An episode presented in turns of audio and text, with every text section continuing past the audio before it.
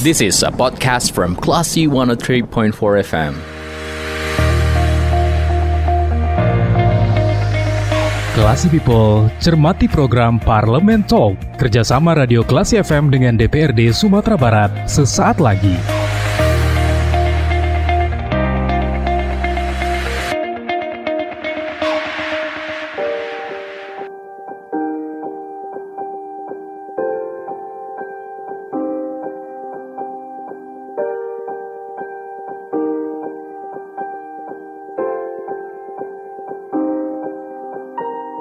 Dari Bumi Karang Putih Hindarung Padang, Info Kelas FM, this is the actual radio. Assalamualaikum, selamat pagi kelas People. Gimana kabar Anda di hari ini? Semoga dalam kondisi yang baik, kondisi yang sehat, dan sudah bisa dengan fit mengawali aktivitas di hari ini. Seperti biasa kelas People di hari Selasa, saatnya Anda mencermati program Parlemen Talk, kita akan mengenal nih tupoksi dari setiap elemen yang ada dalam lingkup Dewan Perwakilan Rakyat Daerah, khususnya di Provinsi Sumatera Barat, dan di Parlemen Talk kali ini kita berkesempatan untuk ngobrol bersama dengan Wakil Ketua DPRD Provinsi Sumbar, ada Bapak Haji Irsyad Syafar LCMED. Kita sapa dulu. Assalamualaikum Pak Irsyad. Waalaikumsalam warahmatullahi wabarakatuh. Biasanya akrab dipanggil Pak Ustadz ya? Panggilnya Ustadz Irsyad. Pak Ustadz Irsyad. Oke baik deh, kasih Bapak. Nah, biasanya kita akan mensosialisasikan Pak di program ini seperti apa tupoksi dari setiap elemen yang ada di DPRD. Hmm. Sebelumnya kita sudah berkesempatan dengan ketua, terus juga dengan uh, sek Sekwan dan juga beberapa ketua komisi nih Pak. Yeah. Dan kali ini kita yang baru dapat kesempatan dengan wakil ketua DPRD-nya nih Pak. Nah sebelum kita gali ke tupoksi mungkin kita ingin mengenal dulu nih Pak terkait dengan profil Bapak sebelum masuk ke politik nih Pak. Sebelum berada di posisi wakil ketua DPRD, mungkin dari nama sudah terlihat ya Pak ya Pak Ustadz ya.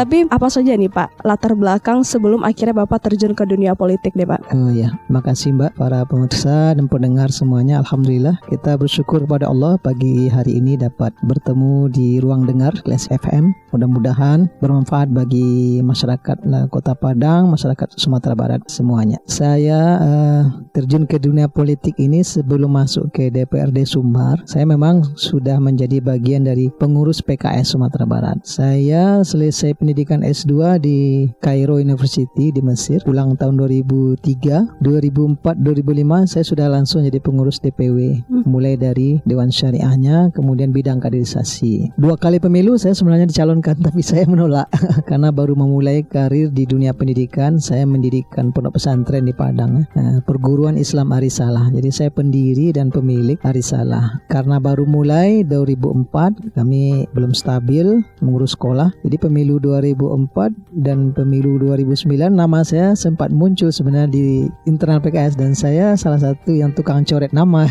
Maka yang pertama saya coret nama saya. Jadi saya belum siap untuk maju. Tapi 2014 sudah 10 tahun sekolah pondok kita sudah stabil, sudah ada alumni empat kali. Saya nggak bisa menolak DPP menginstruksikan Ustaz Irsyad dan tidak ada alasan lagi ini maju lagi katanya. Bertepatan juga ada perubahan dapil di Sumatera Barat 5 ya. Jadi pemilu 2009 dapil provinsi itu hanya 5 dapil. Di pemilu 2014 naik menjadi 8 dapil. Jadi dapil 5 itu pecah dua menjadi dapil 5 dan dapil 4 yaitunya Pasaman Pasaman Barat menjadi sendiri, Kumbu 50 kota uh, sendirian. Dulu uh, empat daerah tingkat 2 itu satu dapil. Incumbentnya Ustadz Muslim M Yatim yang sekarang di DPD RI, dia mengambil pilihannya dapilnya ke Pasaman Pasaman Barat sehingga kosong nih Kumbu 50 kota, tidak ada pula figur PKS yang ada di sana maka saya disuruh maju langsung ke tingkat provinsi. Ya, Alhamdulillah 2014 duduk. Jadi sekarang ini saya prode kedua ini. Oke. Okay. Hmm. Nah, memiliki latar belakang dengan dunia pendidikan sebenarnya ya, ya Pak ya, ya, mendirikan pondok pesantren di Kota Padang yang mayoritas warga Padang tahu dengan pondok pesantren tersebut dan sebenarnya kan kalau yang berkaitan dengan pendidikan ini punya ambisi untuk meningkatkan kualitas pendidikan ya, ya Pak. Ya. Namun terjun ke politik walaupun sudah uh, berkecimpung di partai sebenarnya hmm. ya Pak ya. Hmm. Pasti setiap kita punya panggilan nih Pak. Kenapa ya. akhirnya mau menerima tawaran ini, amanah ini untuk uh, menjadi wakil rakyat. Nah, saat itu di tahun 2014 ya Pak ya Hmm. jadinya untuk terjun. Panggilan apa yang sudah terlihat oh oke baik saya terima amanah ini karena saya punya misi ingin begini-begini. Apa saat itu Pak? Iya, ya. Jadi kembali ke tadi memang background saya itu pendidikan. S1 saya pendidikan Islam di Universitas di Kuwait, S2 saya pendidikan lagi di Universitas Kairo di Mesir. Lalu pulang ya mendirikan sekolah ya, mendirikan pondok pesantren bersama kawan-kawan alumni Timur Tengah. Tapi saya memang sudah langsung terjun ke politik dalam artian saya pengurus partai. Saya salah seorang pendiri PKS di Mesir dan pemilu pertama di Mesir itu PKS pemenang. Waktu pemilu pertama setelah reformasi ya, Soeharto jatuh tahun 98, saya pas mulai S2, saya salah seorang pendiri PKS di Mesir. Waktu itu masih PK dan PKS menang waktu itu kan di Mesirnya, di Indonesia yang masih jauh itu. Jadi sebenarnya kader PKS itu ya geluti seluruh spesialisasinya, mau dokter, mau insinyur, mau tapi darah politik ada di tubuhnya begitu ya. Saya guru, eh, punya pondok pesantren, tapi saya juga rutin berdakwah ke Payakumbuh sejak bujang lagi sebenarnya. Sejak bujang saya berdakwah di Payakumbuh. Jadi ketika PKS kekosongan figur di dapil itu melihat saya usah aja lah ya. Sehingga akhirnya saya toh menjadi anggota parlemen kalaupun duduk saya masih bisa mengajar. Sampai hari ini saya masih mengajar di Arisalah kelas 12 bidang tafsir ilmu tafsir. Dan saya sebenarnya guru tersertifikasi ini lulus tahun 2012 sampai 2014 masih terima sertifikasi. Tapi sejak jadi anggota dewan kan nggak boleh lagi ya. Sertifikatnya masih sah. Jadi saya legal sebagai seorang guru, tidak eh, malpraktik ya. Nah, tapi sertifikasinya nggak boleh lagi diterima. Jadi lebih kepada penugasan ya. Mungkin Mbak tahu juga bahwa di PKS ini ada kultur kita yang agak tabu kalau memaju-majukan diri. Ya, tapi kalau diperintahkan siap bekerja semaksimal mungkin. Tapi kalau masuk kalau saya itu kurang biasa di internal kader PKS begitu. Tapi kalau disuruh maju ah, siap bekerja semaksimal mungkin. gitu. Jadi saya nggak pernah minta. Bahkan saya bilang tadi dua kali pemilu saya yang pertama saya coret nama saya gitu kan. Ketika orang di bawah mengusulkan. Tapi di 2015 saya nggak bisa menolak lagi. Ya, terutama terjadi pemekaran dapil yang dari kampung halaman saya sendiri Payakumbuh 50 kota memang belum ada figur yang eh, memadai waktu itu ya. Jadi semangat untuk bisa berbuat lebih luas lagi di pondok pesantren tetap berkiprah. Kemudian memberi manfaat untuk kampung halaman Payakumbuh. Eh, Alhamdulillah sampai hari ini bisa terrealisasi ya karena dapil kita di situ sehingga program pembangunan pemerintah provinsi 8 tahun terakhir ini ya lumayan banyak kita bawa ke Payakumbuh dan sekitarnya. Nah, itu semangatnya, Pak. Oke, berarti sebenarnya semangat dari putra daerah juga Ah, ya, ya. Pak ya yang membuat akhirnya diterima amanah ini Iya. di tahun 2014. Oke, baik, Pak. Nah, balik lagi kita ke tujuan utama program ini ya, Pak ya, mensosialisasikan tupoksi dari Mhm. posisi Bapak yaitu sebagai Wakil Ketua DPRD Sumbar. Nah, peranan Wakil Ketua DPRD Provinsi Sumatera Barat ini sebenarnya apa saja tupoksinya, Pak? Ya baik. Jadi kepemimpinan di DPRD ini agak berbeda dengan kepemimpinan di lembaga pemerintahan yang lain seperti katakanlah dinas-dinas ya atau lembaga semacam pengadilan atau kepolisian dan seperti itu. Jadi DPRD ini agak beda sedikit karena begitu yang dibuat oleh undang-undang kita ya. Jadi kepemimpinan di DPRD baik itu provinsi ataupun kota dan kabupaten itu kolektif kolegial. Nah, itu dituangkan dalam PP 12 2018 kemudian turunannya ada dalam tata tertib kami ada dalam tertib DPRD. Kepemimpinan kolektif kolegial. Maksudnya apa? Bahwa bila ada pimpinan DPRD itu satu orang ketua dengan tiga wakil atau dengan empat wakil atau dengan dua wakil ya, maka ketiga orang tadi atau keempat orang tadi atau kelima orang tadi sebenarnya satu kesatuan. Salah satu saja mereka mengambil keputusan dalam sebuah sidang yang resmi maka keputusan itu sah dan legal gitu. Tidak mesti hadir keempat-empatnya, tidak mesti tanda tangan keempat-empatnya. Satu orang saja kemudian mengambil keputusan, memimpin keputusan diambil di sebuah forum yang sah di DPRD, sidang, rapat, paripurna misalnya, maka keputusannya menjadi eh, sah dan legal begitu. Maka ketua DPRD dan wakil-wakil ketua DPRD itu salah satu dari alat kelengkapan dewan AKD ya. Jadi alat kelengkapan dewan itu mulai dari yang pertama tuh pimpinan. Nah, maka kami berempat adalah satu AKD. Lalu di situ ada komisi-komisi itu satu AKD lagi kan. Walaupun di sini ada lima komisi, berarti ada lima AKD yang berjudul komisi. Lalu ada lagi nanti Bapemberda, Badan Pembentukan Peraturan Daerah itu satu AKD lagi. Ada lagi Bamus, Badan Musyawarah. Ada lagi Banggar, Badan Anggaran. Ada lagi Badan Kehormatan, ya BK. Ya. Maka itu semua adalah AKD, alat kelengkapan dewan. Nah kami yang judulnya pimpinan ya, tadi kolektif kolegial, berarti tupoksi kami sebenarnya sama ya, hampir sama. Ketua tentu ya ditinggikan seranting yang didahulukan selangkah ketika dia ada di tempat tentu dia yang memimpin dia yang mengambil kebijakan dibantu oleh kita yang wakil-wakilnya. Ketika dia berhalangan sementara atau tidak berada di tempat maka siapa pun wakil dan tidak ada juga istilahnya wakil satu, wakil dua, wakil Hmm. tiga. Jadi wakil ketua saja zamannya. Walaupun wakil satu itu adalah partai yang mendapatkan suara nomor dua. Wakil dua itu partai yang mendapatkan suara nomor tiga. Dan wakil empat itu otomatis partai yang mendapatkan suara nomor eh, empat begitu. Tapi tidak disebut dalam regulasi perundang-undangan kita wakil satu, wakil dua, wakil tiga. Nah, nanti jangan sampai salah sebut. Hmm.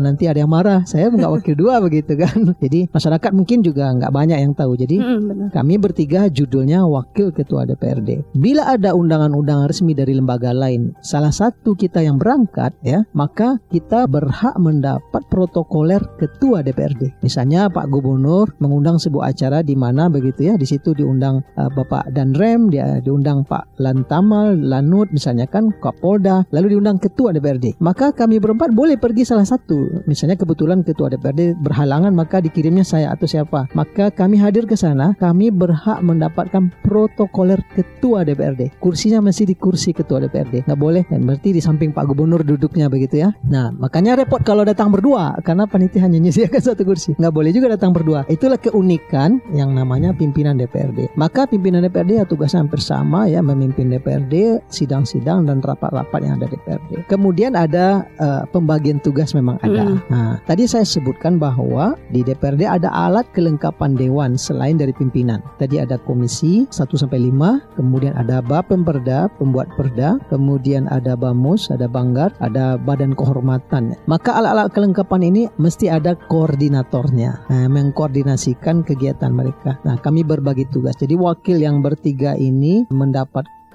dua AKD per orang Hmm. untuk dikoordinasikan. Maka saya dalam periode separuh kedua ini karena Hmm. kita separuh pertama sudah berlalu ya dua setengah tahun jabatan kita sudah habis. Ini memasuki dua setengah tahun kedua sesuai juga dengan PP 12 2018 kepemimpinan di uh, komisi-komisi itu per dua setengah tahun mbak dua setengah tahun ganti ketua komisi ketua komisi ya Mhm. ketua Bapemperda juga begitu. Tapi kalau kami pimpinan tidak mesti, tergantung partai masing-masing mau narik orangnya atau mau tetap lanjut lima tahun itu diserahkan ke partai masing-masing. Maka kita sudah dibagi tugas atas musyawarah pimpinan. Saya selaku wakil mendapat tugas sebagai koordinator Komisi 5 Mhm. dan Bapemperda. Nah, Bapak Suirpen seingat saya jadi koordinator Komisi 1 dan Komisi 2. Lalu Pak Indra Datuk Rajulelo 4 dan 5. Nah, begitu. Jadi dapat dua AKD masing-masing sebagai koordinatornya. Sehingga kemudian lanjutannya tentu tupoksinya banyak mengerucut ke dua AKD yang dia koordinasikan. Nah, kalau Komisi 5 itu fokus mitra kerjanya adalah kesejahteraan rakyat ya. Di situ ada Dinas Kesehatan, Pendidikan, Sosial, Kebudayaan, Pemuda Olahraga, KONI ada di sana, Pramuka juga ada di sana. Hmm. Maka berarti saya banyak berinteraksi dengan tema-tema itu. Nanti wakil yang satu lagi kalau Komisi 1 tindak bidang pemerintahan maka dia banyak berurusan dengan KPU, Biro Pemerintahan, Biro Umum, semacam itu, Pak. Semakin terlihat perbedaannya ya Pak ya Bahkan mungkin tidak banyak masyarakat yang tahu kalau ternyata wakil DPRD itu tidak ada dinyatakan satu dua tiganya Ya, Dan bahkan betul. ternyata ada tiga orang dan posisi mereka tuh bahkan setara dengan em, ketua, Ketua, betul. uh, di saat acara resmi ataupun persidangan resmi Iya, gitu ya. betul. Baik, nah menggali dari tupoksi yang sudah Bapak jelaskan tadi pasti kita ingin mengkerucutkan lagi ya Pak ya pemahaman kita mengenai tupoksi itu. Tapi kita jeda sebentar Pak, kita akan kembali lagi ke Klasi Popal setelah pesan-pesan yang berikut ini. Jadi jangan ke mana-mana, keep in tune di Klasi FM.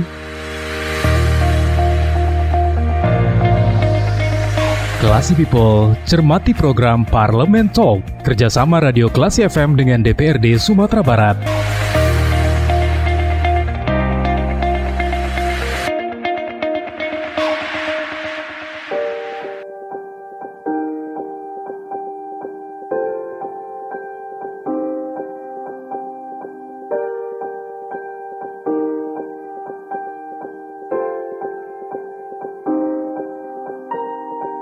103,4 Kelas FM, this is the actual radio. Kelas Popal Anda kembali mencermati program Parlementol bersama Sedita Indira dan bersama narasumber kita saat ini ada Bapak Wakil Ketua DPRD Provinsi Sumatera Barat, Bapak Haji Irsyad Syafar LCMED. Tadi kita sudah eh, dijelaskan oleh Pak ya, Ustadz Irsyad seperti apa tupoksi dari Wakil Ketua DPRD khususnya di bagian yang saat ini dipegang oleh Ustadz Irsyad dan kita mau menggali lagi nih Pak Ustadz ya terkait dengan tupoksi tadi kan uh, Bapak memegang dua AKD yaitu Komisi 5 dan, juga Komisi Bapemperda. Bapemperda. Hmm. Oke, baik. Nah, sebelum kita ke sana Pak, berarti dalam agenda resmi wakil ketua itu setara dengan ketua. Namun tetap pasti ada yang membuat mereka berbeda gitu ya, Hmm. Pak ya. Berarti dari segi penugasan mungkin Pak, apa yang membuat ketua dengan wakil itu ada perbedaan tempat mungkin Pak? Apakah wakil itu lebih fokus ke internal atau seperti apa Pak? Sebenarnya semua surat menyurat DPRD ke lembaga luar itu diutamakan ketua yang menandatangani ya, komunikasinya ya. Hmm. Misalnya bersurat kepada Pak Gubernur, bersurat kepada dinas-dinas terkait. Nah, tapi ketika ketua tidak atau berhalangan tidak berada di kantor, maka salah satu wakil ketua boleh membuat surat, maksudnya surat atas nama dia dan tanda tangan dia, dan itu sah. Hmm. Juga termasuk tadi kita sidang paripurna menerima pertanggungjawaban Bapak Gubernur,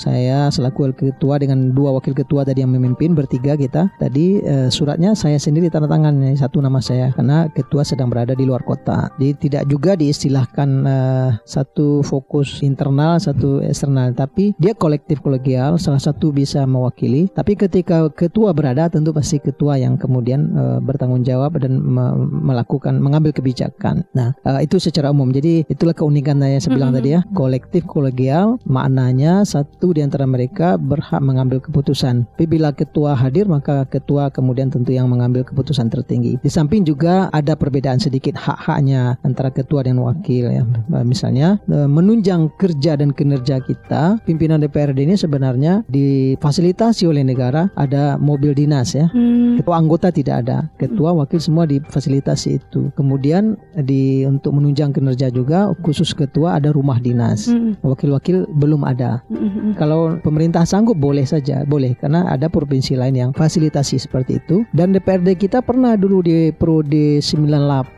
atau 2004 saya lupa, pernah sempat dulu punya rumah wakil ketua DPRD. Sekarang sudah jadi kantor rumah Mhm. itu ya karena keterbatasan sarana prasarana sementara pemerintahan bertambah juga perkantorannya. Jadi sedikit banyaknya tetap ada perbedaan antara hak dan kewajiban. Ada kewajiban. sedikit perbedaannya. Begitu ya. Berarti eh, seperti yang Bapak bilang di sesi sebelumnya ditinggikan seranting, didahulukan selangkah. Iya, Tapi untuk upaya yang bisa dititipkan ke wakil itu setara dengan Bisa hal saling yang bisa dititipkan. Iya. Ini jadi informasi juga nih buat adik-adik Ah, para mahasiswa yang mungkin Betul, sering jadi aksi. adik-adik jangan pula misalnya kalau salah seorang wakil ketua nih yang nyambut adik-adik di Hmm. DPRD nggak usah berkecil hati karena kewenangan kita sama. Ada adik-adik ini kadang emosi dia ya. Kami pengennya Pak Ketua. Eh, untuk apa sih kita sembunyikan ketua di kantor?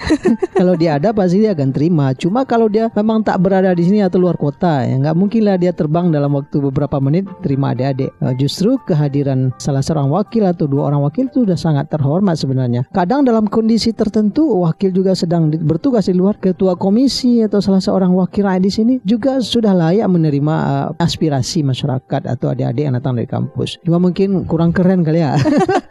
Kok nggak keren kali kami datang nggak ada ketua gitu. Nah, bisa jadi mungkin masalah itu saja. Kalau secara kewenangan eh, bisa mbak, Eh, jadi tidak ada masalah itu. Oke baik. Nah dari tupoksi tadi kan yang dipegang oleh Bapak itu ada dua AKD, Ya, Komisi 5 dan juga Bamperda. Bapak Perda. Nah, kalau untuk Komisi 5 kan ini lebih fokus ke kesejahteraan ya Pak ya? Ya, jadi komisi 5 ini kita ada lima komisi, maka sekitar 52 dinas, biro, badan yang ada di Pemprov, 52 ini dibagi rata ke lima komisi sesuai dengan bidang garapannya. Komisi 1 itu pemerintahan, komisi 2 itu situ pertanian, peternakan dan kawan-kawannya, komisi 3 ekonomi dan perbankan, komisi 4 itu infrastruktur, komisi 5 kesejahteraan rakyat. Maka di komisi 5 itu mitranya adalah eh, dinas kesehatan, dinas pendidikan, pemuda olahraga, kebudayaan, sosial. Nah, dulu orang bilang ini komisi air mata, yang sedih-sedih, yang susah-susah di sini. Kalau komisi lain mata air katanya, agak sejahtera yang dibahasnya. Nah, itu komisi 5 mbak. Maka otomatis saya selaku koordinator komisi itu surat menyurat terkait dengan aktivitas komisi itu saya yang tanda tangani. Ah, Misalnya komisi itu mau ngundang kepala dinas pendidikan, rapat, hearing, mengawasi gitu. Maka saya yang tanda tangan suratnya. Perjalanan dinas kawan-kawan komisi 5 semuanya ya dia mau menengok di SMA mana, mau meninjau rumah sakit mana gitu kan di di Sumatera Barat atau mau berkunjung ke provinsi lain studi banding terus jenisnya. Komisi 5 itu surat-suratnya saya yang tanda tangani. Nanti koordinator yang berikutnya terkait dengan komisi dia masing-masing. Nah, Oke, kemudian yang di Bapemperda ya Pak Ah. ya. Nah ini seperti apa Pak? Nah, Bapemperda beda dengan komisi. Bapemperda ini Badan Pembentukan Peraturan Daerah. Jadi dia jumlah keanggotanya mirip dengan komisi sekitar 14 orang. Itu rumusnya per 4 orang anggota fraksi dapat satu orang. Jadi misalnya fraksi Gerindra itu jumlah kursinya 14 di sini. Per 4 dapat satu utusan di Baban Perda. Jadi kalau 12 dapat tiga ya. Kalau sisa dua dianggap tidak dapat. Sisa tiga baru dibulatkan uh, satu. Jadi di Baban Perda ada tiga orang Gerindra. PKS kursinya 10, 4 4 dapat dua. Demokrat juga 10 dapat dua utusan di sana. PAN juga 10 dapat dua di sana. Golkar 8 pas-pasan. Ada yang 7 karena sisanya tiga dapat juga dua jadinya kan. Hmm. Jadi anggotanya sekitar 14 orang. Tugasnya adalah untuk membahas rancangan perda yang akan dibahas oleh DPRD. Mereka dulu yang menampungnya. Uh. Lakukan harmonisasi, pembulatan, konsultasi ke kementerian terkait. Sudah dibulatkan, sudah harmonisasi, baru boleh dilontarkan di sidang paripurna DPRD oleh gubernur untuk mulai nanti dibahas. Nah, jadi badan pembentukan perda kalau dulu namanya balik badan legislatif. Hmm. Nah, sekarang dengan aturan yang terbaru namanya badan pembentukan perda. Ah. Badan perda. Spesialisasi tugasnya memang membentuk dan merancang mengawasi proses pembentukan perda peraturan daerah. Oke baik, hmm. berarti seperti itu ya ternyata detailnya ya Pak ya. Hmm. Lebih ke memberi persetujuan ya Pak ya untuk ya, dua tadi kan saya bilang ya. tugas DPRD ada pengawasan, ada penganggaran, ada pembentukan peraturan daerah. Hmm. ini fungsi yang ketiga ini berada pertama kali pintu masuknya di Bapemperda. Pemperda. Baru nanti masuk ke dalam DPRD dibahas sesuai dengan kalau perda ini masalahnya kaitannya kesejahteraan rakyat nanti ke komisi satu pergi pembahasannya. Kalau perda ini terkait pertanian nanti lemparnya ke komisi dua gitu kan. Perda ini terkait perekonomian perbankan lemparnya ke komisi tiga. Jadi pintu masuk pertamanya Bapemperda Bapemperda dalam membentuk peraturan daerah. Oke baik. Hmm. sudah lebih mungkin sudah lebih tergambar ya, ya seperti ya, apa sebenarnya uh, tupoksi yang dijalani oleh wakil ketua DPRD khususnya yang dijalani oleh Pak Ustadz Irsyad ya, ya. saat ini. Dan kita juga uh, penasaran nih Pak terkait dengan isu di masyarakat masyarakat yang mungkin bersinggungan nih Pak dengan tupoksi atau tanggung jawab yang Bapak jalankan. Tapi kita jeda sebentar kelas Popol. Jangan ke mana-mana, keep in tune di 103.4 kelas FM. Klasi People, cermati program Parlemen Talk, kerjasama Radio Klasi FM dengan DPRD Sumatera Barat.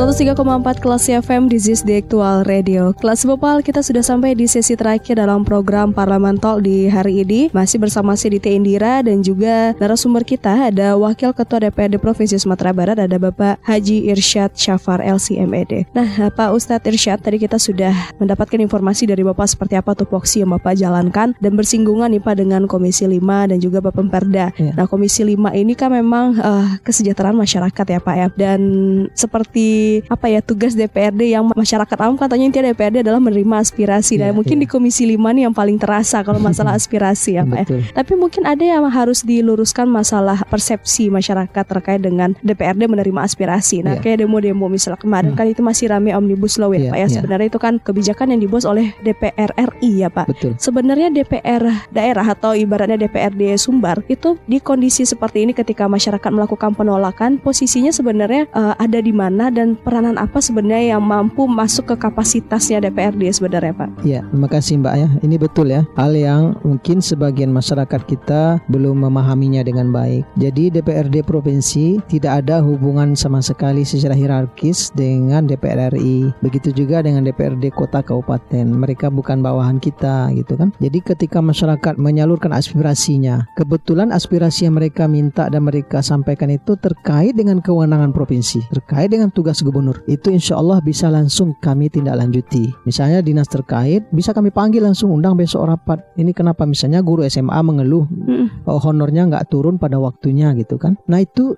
betul-betul kewenangan kami. Maka segera kita bersurat, kepala dinas datang rapat bersama kita. Ada apa?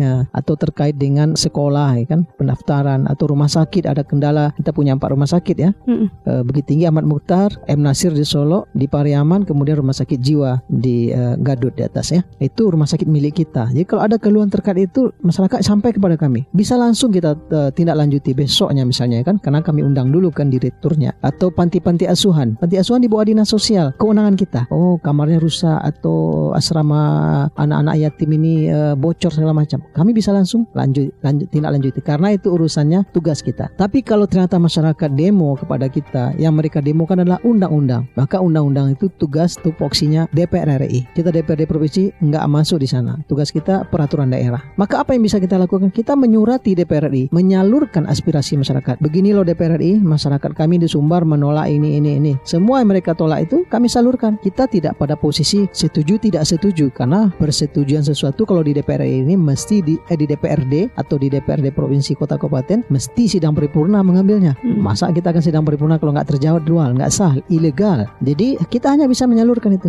Kita berkirim surat ke DPR RI, kita berkirim surat misalnya ke Bapak Presiden bahwa kami masyarakat Sumatera Barat ini loh aspirasinya. Nah, jadi kalau masyarakat menyampaikan tentu kami berkewajiban menerima, berkewajiban melanjutkan. Hanya saja yang perlu juga dipahami oleh masyarakat, ketika DPRD provinsi mana pun bersurat ke DPR RI, DPR RI tidak berkewajiban membalas surat kami. Artinya kalau mereka nggak balas ya kami nggak bisa mencak-mencak juga. Nggak ada kaitan dia nggak atasan kita nggak nggak ada kaitan sama sekali. Ya itu repotnya regulasi seperti itu. Mhm. Eh, hak dan kewajiban DPR RI dengan kami DPRD sangat-sangat berbeda, sangat berbeda. Kita naik pesawat, tiket kita dipertanggungjawabkan. Berapa tiket harga tiket segitu yang dibayarkan kembali ke kita. Kalau DPR RI mereka lansam, mereka sudah ada harga tiketnya, tapi kalau dia naik tiket pesawat murah, sisanya masuk kantong mereka karena tidak dipertanggungjawabkan. Kami kalau nginap di hotel, maka yang berapa kami bayar di hotel itu yang kami dapatkan bilnya itu yang akan diganti gitu kan sesuai dengan plafonnya. Kalau DPR RI tidak, Udah ada anggaran ya. bukan anggaran tidak dipertanggungjawabkan. Oke, baik. Jadi misalnya misalnya nih, misalnya satu malam harga hotelnya 5 juta. Dia tidur di rumah orang gaeknya atau di rumah mertuanya boleh saja dan dia tetap berhak menerima haknya itu karena itu aturannya. Jadi aturan perjalanan dinas DPR RI saja sudah beda dengan kami DPRD kabupaten, kabupaten kota dan provinsi. Nah, ini banyak masyarakat tidak memahami begitu kan. Ya itu namanya aturan bernegara gimana lagi kita ikut saja. Jadi kita tetap menyalurkan aspirasi masyarakat yang demo terkait undang-undang Mhm. tapi bukanlah DPRD provinsi atau kota kabupaten yang kemudian berhak merevisinya, menukarnya, bahkan sampai kepada tingkat kami bersurat pun kalau nggak dijawab oleh DPR RI nggak ada pula undang-undang mereka langgar kalau nggak menjawab begitu. Mhm. Jadi eh, DPRD pun hampir sama posisinya dengan para pendemo yang juga menunggu sebenarnya Betul, jawaban jadi- dari DPR RI ya. Posisi kita sama, ayo kita bareng-bareng demo ke sana.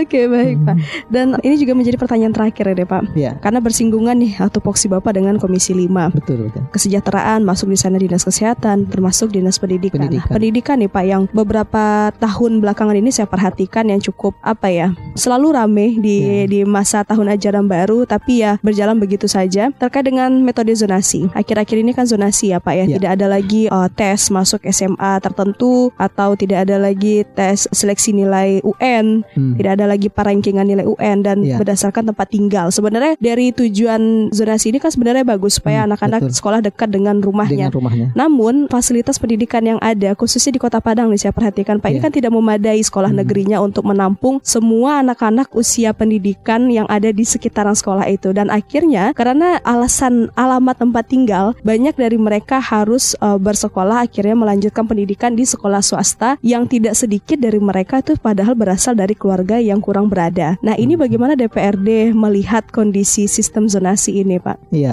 jadi kita tentu sangat apa namanya memaklumi bahwa eh, pemerintah ingin berusaha mengatur lah ya Hmm. bagaimana proses penerimaan peserta didik baru ini semakin efektif, kemudian juga profesional, dan kemudian juga eh, mengcover lah semaksimal mungkin masyarakat. Sejak 2021 ya, 2021 ini yang sekarang tahun ketiga zonasinya. ketiga, ya. Yang pertama memang lumayan permasalahannya, yang kedua sudah mulai Hmm. berkurang. Mudah-mudahan yang sekarang semakin membaik ya. Perlu kita sadari, sekolah kita dahulu ketika didirikan tidak berdasarkan memanfaatkan zona. Ya. Ya, dia tumbuh. Saya katakan ya mungkin kalaupun terencana tingkat perencanaannya itu paling 60% ya. Karena di banyak tempat kita temukan masyarakat awalnya wakafkan tanahnya, yang penting ada sekolah negeri di tempat kami begitu. Nah, banyak tuh di, di lokasi saya di Payakumbuh di kota, nggak usah di kabupaten. Di kota masyarakat berinisiatif dulu 20 tahun yang lalu. Serahkan tanahnya, pemerintah dirikanlah sekolah. Tapi nanti anak kemenakan kami eh, dapat satu kelas di sini ya gitu kan. Nah, sehingga sekolah itu tumbuh tidaklah berbasis zonasi gitu kan.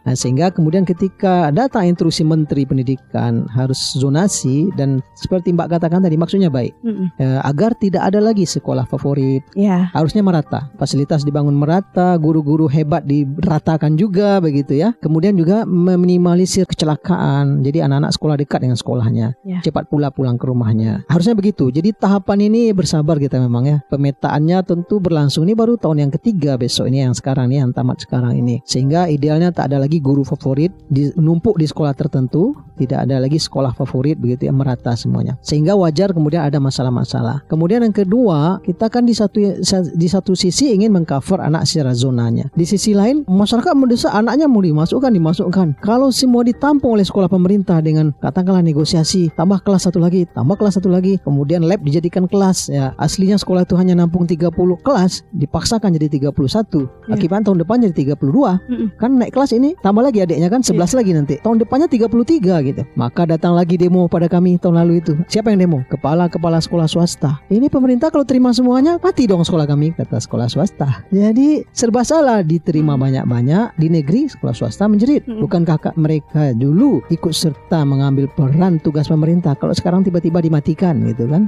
Maka ini mesti di apa namanya tolak ansur ya tolak ansur tentu tidak cepat juga membuat semua sekolah menjadi hampir sama rata begitu.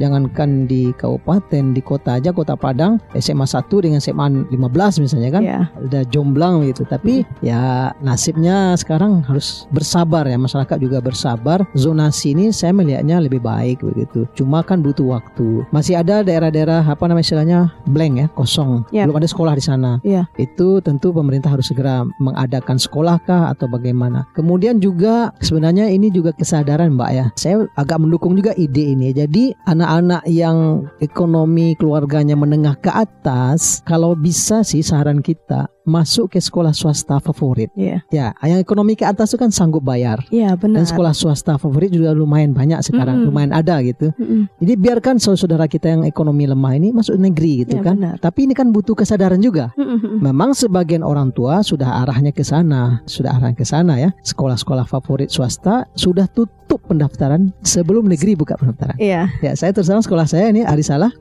kami sudah top 200 nasional ya. Di Sumbar kami top 8 dan kami sudah tutup pendaftaran Januari kemarin.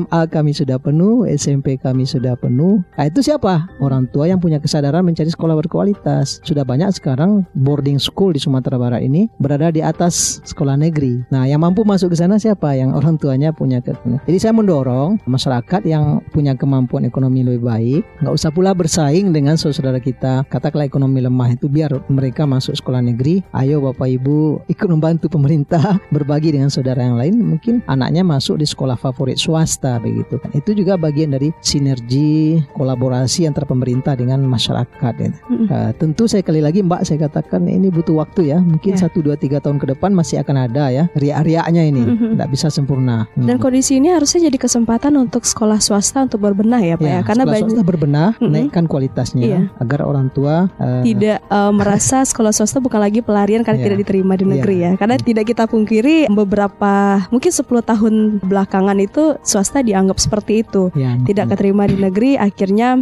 pelarian baru swasta. lari swasta. Padahal kan kalau kita lihat ke daerah lain Jabodetabek deh khususnya justru swasta yang menjadi Iya, rebutan betul. kualitas Hmm. dibanding negeri gitu ya. Ya, ya. Oke baik Hmm. Pak. Ini juga menjadi pertanyaan penutup kita tadi ya Hmm, Pak ya ya. terkait dengan tupoksi Bapak dan mungkin ada closing statement Pak dengan pembahasan kita hari ini. Pertama terima kasih untuk Classy FM sudah mengagendakan acara ini. Mudah-mudahan bermanfaat bagi masyarakat Amin. Sumatera Barat. Kemudian yang kedua tentu kami selaku wakil masyarakat di DPRD pada masyarakat kami katakan ahlan wa sahlan kapan saja di jam kerja ya. Datanglah ke DPRD kalau ada aspirasi mau sampaikan insya Allah kami akan terima dengan baik. Baik itu eh, orang per orang ataupun berkelompok ya. Kalau jumlahnya agak ramai tentu harus ada pemberitahuan sebelumnya gitu. Kalau datang mendadak 3-4 orang masih mudah ya. Tapi kalau akan datang 100 orang nah, itu memang harus bersurat agar di DPRD kita ada persiapan. Nanti kan kecewa juga. Jadi begini juga Mbak. Anggota DPRD ini sepertinya tak ada tanggal merah. Tanggal merah masih bekerja juga masih didatangi masyarakat di rumah masing-masing. Begitu juga jam kerjanya. Jam kerja kantor memang jam 4 berakhir ya. Tapi jam 10 malam datang orang gimana lagi? Apalagi kalau anggota dewan tuh rumahnya berada di dapilnya. Aduh akan datang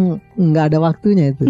Kalau kepala dinas hari Sabtu matikan HP-nya aman lagi. Anggota dewan coba matikan HP. Jangan diharap duduk lagi setelah itu. Jadi eh, prinsipnya kami selamat datang kepada masyarakat dan mohon doa kami anggota dewan ini wakil rakyat bisa maksimal sampai akhir masa tugas kami bisa menampung, menyalurkan dan menerima aspirasi masyarakat. Tentu ada di sana sini kelemahan kami, mohon dimaafkan, mohon dimaklumi ya karena ya sifatnya manusiawi. Ada keunikan tersendiri cara kerja DPRD dibanding dibandingkan misalnya pemerintahan ya. Kadang mohon maaf tanda kutip, mungkin kadang di mata masyarakat yang anggota DPRD ini orang banyak uang. jadi mungkin barangkali karena penampilan luar bisa jadi ya. Padahal mereka juga uh, hanyalah wakil-wakil rakyat. Dia terpilih mungkin bisa jadi bukan karena banyak uangnya, tapi mungkin punya relasi yang banyak dan mungkin dia sudah punya jasa di masyarakat ya, yang masyarakat dukung. Jadi mohon didukung dengan doa dan dukungan moral lah begitu ya. Insya Allah kita semua anggota DPRD provinsi aspirasi apa pun yang sampai masyarakat sejauh itu menjadi menjadi tupoksi kami kita perjuangkan semaksimal mungkin. Demikian Oke okay, baik. Hmm. Terima kasih Bapak sudah meluangkan waktu untuk menyambut kehadiran kami Pak dan juga sudah mau berbagi informasi untuk pendengar kita supaya lebih melek lagi nih uh, masyarakat seperti apa sih sebenarnya ya. pekerjaan dari wakil rakyat itu apakah hanya mendengar aspirasi dan mereka sama saja bekerjanya hmm. atau ternyata lebih detail lagi, lebih kompleks lagi ya. ada hal-hal yang konkret yang mereka urus untuk uh, provinsi Sumatera Barat. Dan terima kasih juga untuk Anda kelas yang sudah mencermati obrolan kita sampai di sesi terakhir ini. Semoga aktivitas Anda berjalan dengan baik dan lancar di hari ini. Kalau gitu saya Dita Indira mewakili Bapak Ustadz Irsyad pamit dalam kebersamaan kita. Assalamualaikum warahmatullahi wabarakatuh and then see you.